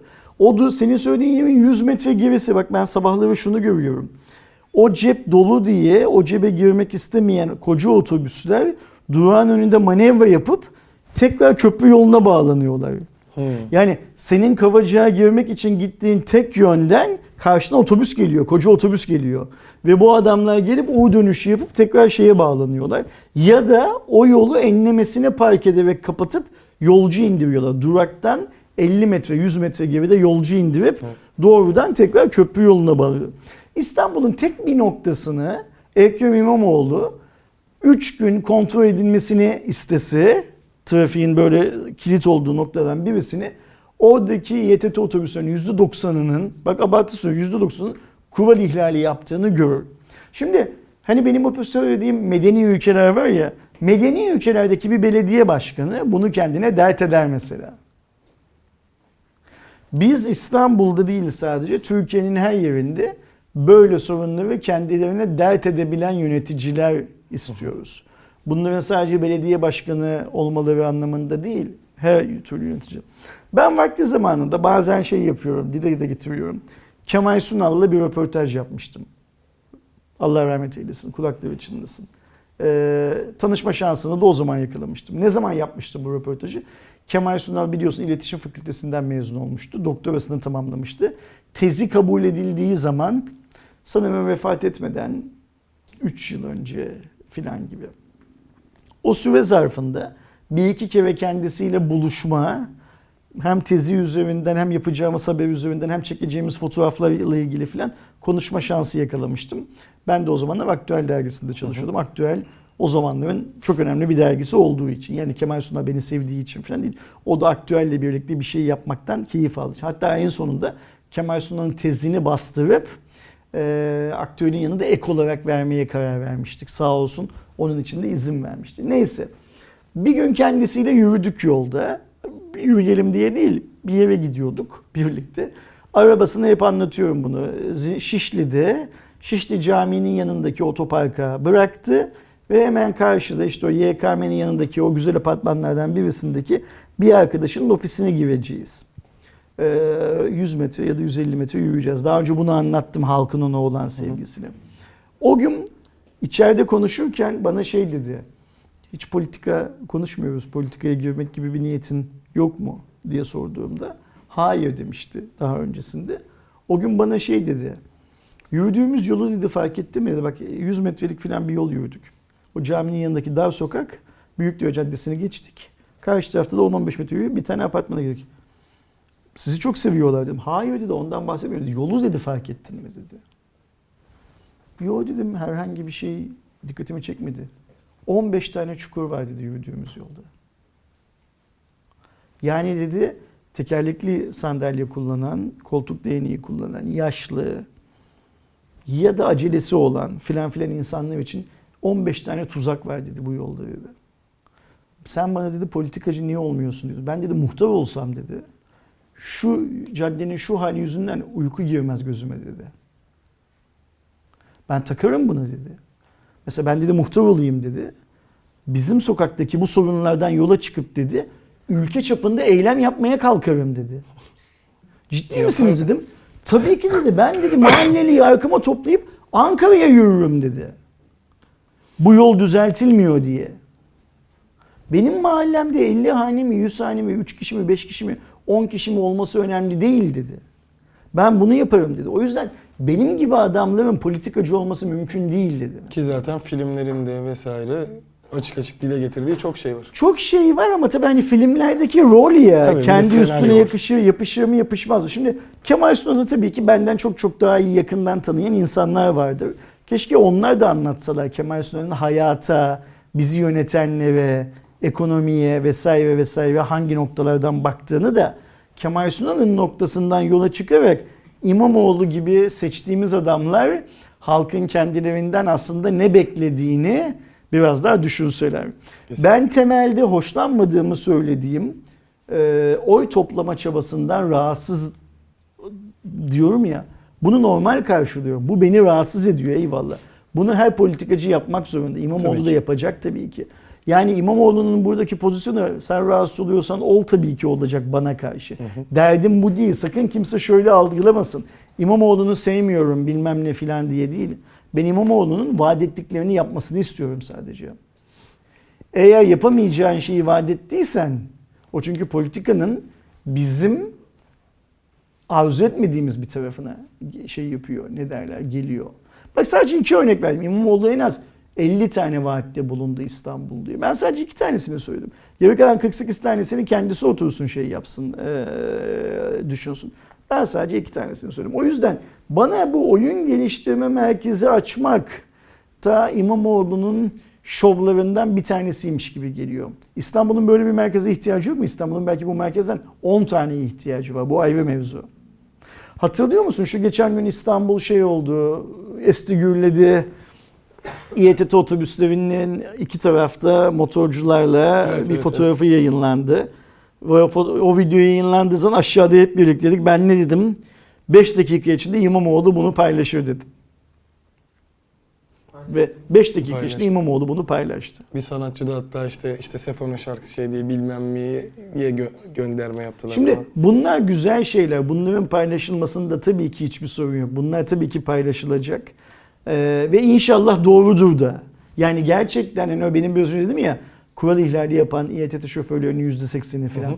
O adamların içindeki %20 inşallah böyle işler yapıyorlardır. Sadece motorculara karşı değil. Yoldan karşıdan karşıya geçen bir e, sokak hayvanı gördükleri zaman kendi araçlarına bir handikaplı biri bindiği zaman ona yardım olmacı olmak filan filan anlamında bunu yapıyordu.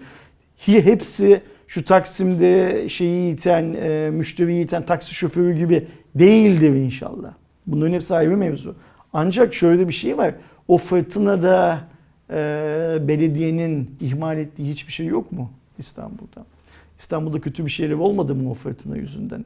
Belediye buradan bir e, İstanbul Büyükşehir Belediyesi ders çıkartıp bir sonraki fırtınada şunu şunu görmeyeceksiniz diye biz İstanbullulara bir vaatte bulunuyor mu? Benim arzuladığım belediyecilik bu. Ben bunu İmamoğlu'nun ya da İstanbul Büyükşehir Belediyesi'nin eksiği olarak görmüyor. Görmem böyle bir şey olursa. Ben şöyle görürüm bunu. Mesela deseler ki bana bize hepimize İmamoğlu'nun resmi hesaplarından değil İBB'nin hesabından da olur. İBB'nin web sitesinde de olur. Bu fırtınada biz İstanbul'un şu noktasında pet şişelerin birikerek giderleri kapattığını ve oradaki yağış yüzünden trafiğin aksadığını, hayatın zarar gördüğünü gördük, fark ettik. Evet. Bir dahaki fırtınada bunu görmeyeceksiniz. Gerekli önlemleri aldık deseler ben orada o su niye birikti diye İmamoğlu'nu eleştirmem. Geleceğe yönelik çok güzel bir hareket yapıyor diye İmamoğlu'yla gurur duyarım. Seçmen olarak ona oy vermiş olan birisi olarak. O yüzden e, bu şovlar hoşuma gitmiyor. Bu şovları gereksiz şovlar olarak görüyorum. Ve inşallah bu şovlardan hoşlanmayan, bu şovları gereksiz şovlar olarak gören tek kişi benimdir de bunlar yüzünden İmamoğlu şey yapmaz, oy kaybetmez. Çünkü her bunu gördüğümde, her trafikte dördüncü sırayı yapmış olan e, İETT otobüsünü gördüğümde İmamoğlu'na oy veren bir insan olarak acaba doğru mu yaptım diye sorguluyorum mesela. Her zaman zaten herkesin sorgulaması. Çünkü o şey Aynen oluyor öyle. işte. Ee, Ee, bunu bu yanlış anlayan çok insan oluyor. Bu sorgu kendine şey bu, yapamıyor. bu sorgular yani şunu söylemem lazım. Ben muhalif bir adamım. Ben İmamoğlu'na da muhalif. İmamoğlu'na oy vererek onun seçilmesine katkıda bulunmuş olmam İmamoğlu görevi aldığı gün benim için bitiyor. Evet. Ben o andan sonra İmamoğlu'nun İstanbullular için ne ürettiğine bakıyorum. Ve diyorum ki İmamoğlu'na ya sen tabii ki oyun geliştirme merkezi aç. Bir tane değil 10 tane aç bu ülkede. Ama küçük şovlar yerine bize geleceğimizle bu şehrin geleceğiyle ilgili küçük küçük güzellikler göster. O sorunu gördük çözdük bir daha olmayacak. Şu sorunu şöyle hallettik. Bu sorun yoksa ben Yeni Kapı'da İmamoğlu'nun açtığı oto galeriyle ilgilenmiyorum. O otogaleri çok saçma sapan bir hikayeydi. O otomobillerin kime peşkeş çekildiğini iddia edemiyorsan, ispatlayamıyorsan o otomobillerin camına bunu atıyorum Ersin'in oğlu, Ersin kim olsun, İstanbul Büyükşehir bilmem nesi olsun. Onun oğlu kullanıyordu ve parasını da belediye ödüyordu diye çat çat çat koyamıyorsan Yeni kapıya gittin, otogaleri açtın demektir benim için. O otomobiller şimdi nerede, nasıl bilmiyorum. Bak burada konuştuk. Ben geçenlerde bir tane İBB aracını şikayet ettim. Açsınlar kayıtları, baksınlar 2 ay 3 ay önce. İstanbul Büyükşehir Belediyesi'nin bana verdiği cevap bu plakalı bir aracımız yok cevabı. Yanında kamyonetin kocaman İstanbul Belediyesi logosu var. Arkasında İstanbul Belediyesi logosu var. Ve ben eminim o araç yakın bir zamanda İstanbul Belediyesi ile ilişkisi kesilmiş bir araç olması lazım. Sen ilişkini kestiğin araçların üzerlerindeki logoların silinmesini sağlayamıyor musun? Koca İstanbul Büyükşehir Belediyesi olarak üzerinde İstanbul Büyükşehir Belediyesi'nin logosu olan ve resmi hizmete mahsus üyesi olan aracın trafikte terör istemesini engelleyemiyor musun? Şimdi biz e, arzu ettiğimiz ülkelerden birisinde yani Türkiye'nin o seviyeye gelmesini arzu ettiğimiz ülkelerden birisinde yaşıyor olsak ve böyle bir ihlal olsa belediye vatandaşın ihbarından yola çıkarak o arabayı bulur. Mahkeme kararıyla o arabanın yanındaki o İstanbul Büyükşehir Belediyesi logosunun sökülmesini sağlar. Öyle değil mi? Belediyenin avukatı mı yok bu işle ilgili? Tabii ki. Belediyenin avukatının parasını da ben zaten vermiyor muyum vatandaş olarak? Yani bu kaynağı biz yaratmıyor muyuz? Okey, iş bu kadar basit. Yani eee, bana ne olur Aydoğan, İBB Oyun Geliştirme Merkezi açmış haberiyle gelme Cuma raporlarında.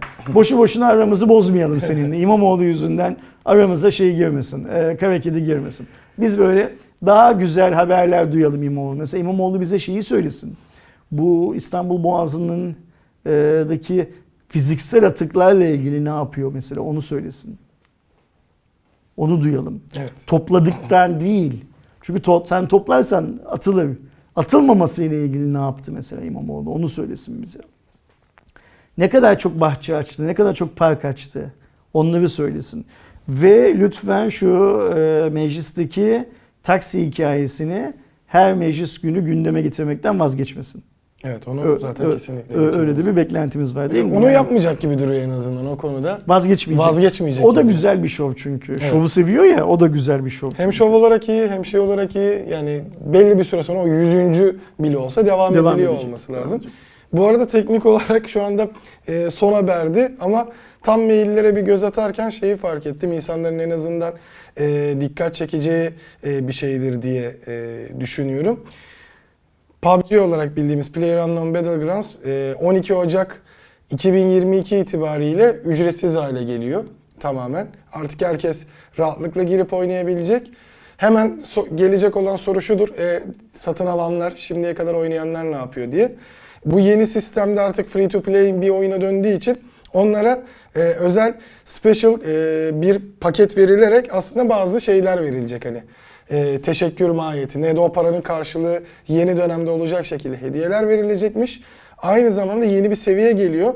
E, 13 dolar karşılığında da Battlegrounds Plus diye bir özellik geliyor. Bunda da bonus olarak 1300 G-Coin, e, Survivor Masters XP olarak %100 XP artışı, kariyer madalya sekmesi olacakmış. Dereceli mod, özel eşleştirme modu, şapka kamuflaj maskesi gibi ekstra içeriklerin verilebileceği şey olacak. Yani aslında burada şeye çeviriyor galiba. Eğer bu aylık değilse e, oyunu artık zaten alabilen aldı. Almayanlar da en azından girip denesin ki oradan 12 13'er dolar Oradan para da para e, şey çıkartalım diye ama Bu arada güzel bir plan. Ceyda'yı bu bülteni son dakikaya yetiştirdiği için teşekkür Evet. ederim değil mi? Ceyda kim? Bazı arkadaşlarımız Karı Koca Gaming olarak İlker'le beraber. Karı Koca Gaming olarak tanıyordurlar Ceyda'yı.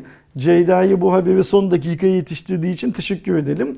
İmamoğlu'na da şey diyelim bak e, PUBG Battlegrounds'da bedava olmuş. Sen şu bir tweette bunun için çakarsın yani hani şov böyle şov ya işte. İşin şakası bir yana arkadaşlar.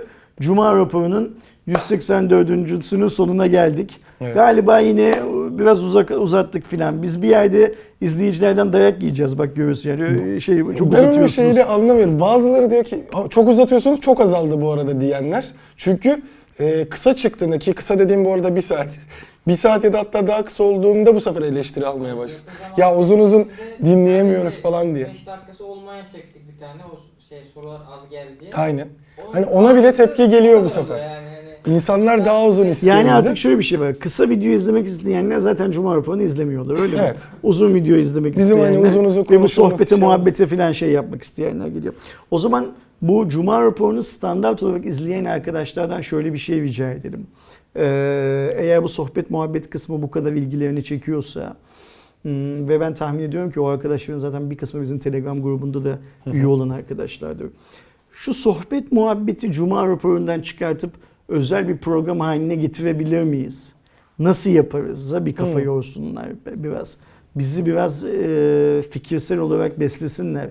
Şöyle şöyle bir şey olsa sanki daha iyi olur ya da böyle diye. iyi falan. Ya da aynen öyle. Ya da böyle iyi desinler. Çünkü bu formun Aydoğan şöyle bir derdi var. Hmm, biz evet bizi çok izleyen arkadaşlarımızı çok seviyoruz.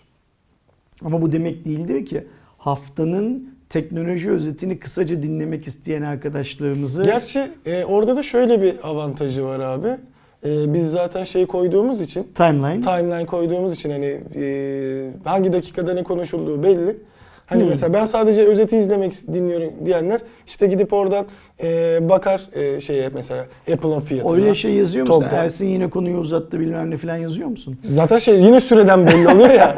bir sonraki konuya geçişteki süreden 45 dakika olunca o burada bunlar çok uzatmış konuyu diyebiliyorlar. Okey tamam süper. Sen diyorsun ki zaten su akıyor yolunu buluyor müdahale Yani etmeye gerek yok öyle mi? Şey olabilir. Ayrı bir program Güzel, güzel, olsun diyebilirler. güzel bir besleme. Yani bu da güzel bir geri bildirim. Sağ ol. Ama arkadaşlarımızın da aklında olsunlar lütfen. 185. Cuma raporunu için önümüzdeki hafta Cuma günü yine buradayız. Bu pazar günü de soru cevapta Aydoğan'la birlikteyiz. Aklınızda olsun. Formula 1 Çünkü yarışı erken. erken saatlerde olduğu Ah, o için da bitiyor. O saat 10 nöbetine Aydoğan yetişebilecek. Geç olduğu zaman saat 10 nöbetine yetişemiyor biliyorsunuz. Ve bu cuma günü arkadaşlar e, katıl üyelerimiz için yaptığımız hediyeleşme hikayesinin sonuncusunu yapacağız. Arkadaşlarımızın bilgisi olsun. 2021 yılının Aralık ayında son kez hediyelerimizi vereceğiz. Bundan sonra artık hediyeleşme vesaire vesaire gibi bir şey olmayacak. Herhangi bir özel nedeni yok bunun. Ee, yani sakın arkadaşlar şey diye anlamasınlar. Bu hediye hikayesinden katıl üyesi olmayanlar rahatsızdı. O yüzden vazgeçiyoruz filan diye şey yapmasınlar. Nasıl olması gerekiyorsa öyle olacak. Çünkü hediye bizim e, kendi cebimizden, kendi şapkamızdan çıkarttığımız bir tavşandı. E, o tavşanı çıkartmayacağız artık. Hediye prosesi beni çok yoruyor. O yüzden onu da Evet. söyleyelim. Şöyle. Yani şöyle çok yoruyor. Ara hediye bul bulduğun hediyeleri herkes beğenecek mi diye düşün. Yani hmm, her hafta, her ay, her ay hediye aramak zor bir iş. Hediye kazandıktan sonra hediyelerin insanlara ulaşmasını sağla. Evde yok, sana geriye gelsin tekrar gönder filan filan. Sonra o hediyelerin bazılarında teknik sorunlar yaşanıyor. Teknik servis gibi davran. Ee, gerçekten beni çok yoruyor arkadaşlar. Katıl üyesi olan arkadaşlarımız kusura bakmasınlar. Bundan sonra onlara verdikleri parayla onlara hediye almayacağım. O parayı çatır çatır yiyeceğim. Şimdiden helal etsinler o parayı. 185. Cuma raporunda görüşürüz arkadaşlar. Kendinize iyi bakın. Hoşçakalın. Hoşçakalın.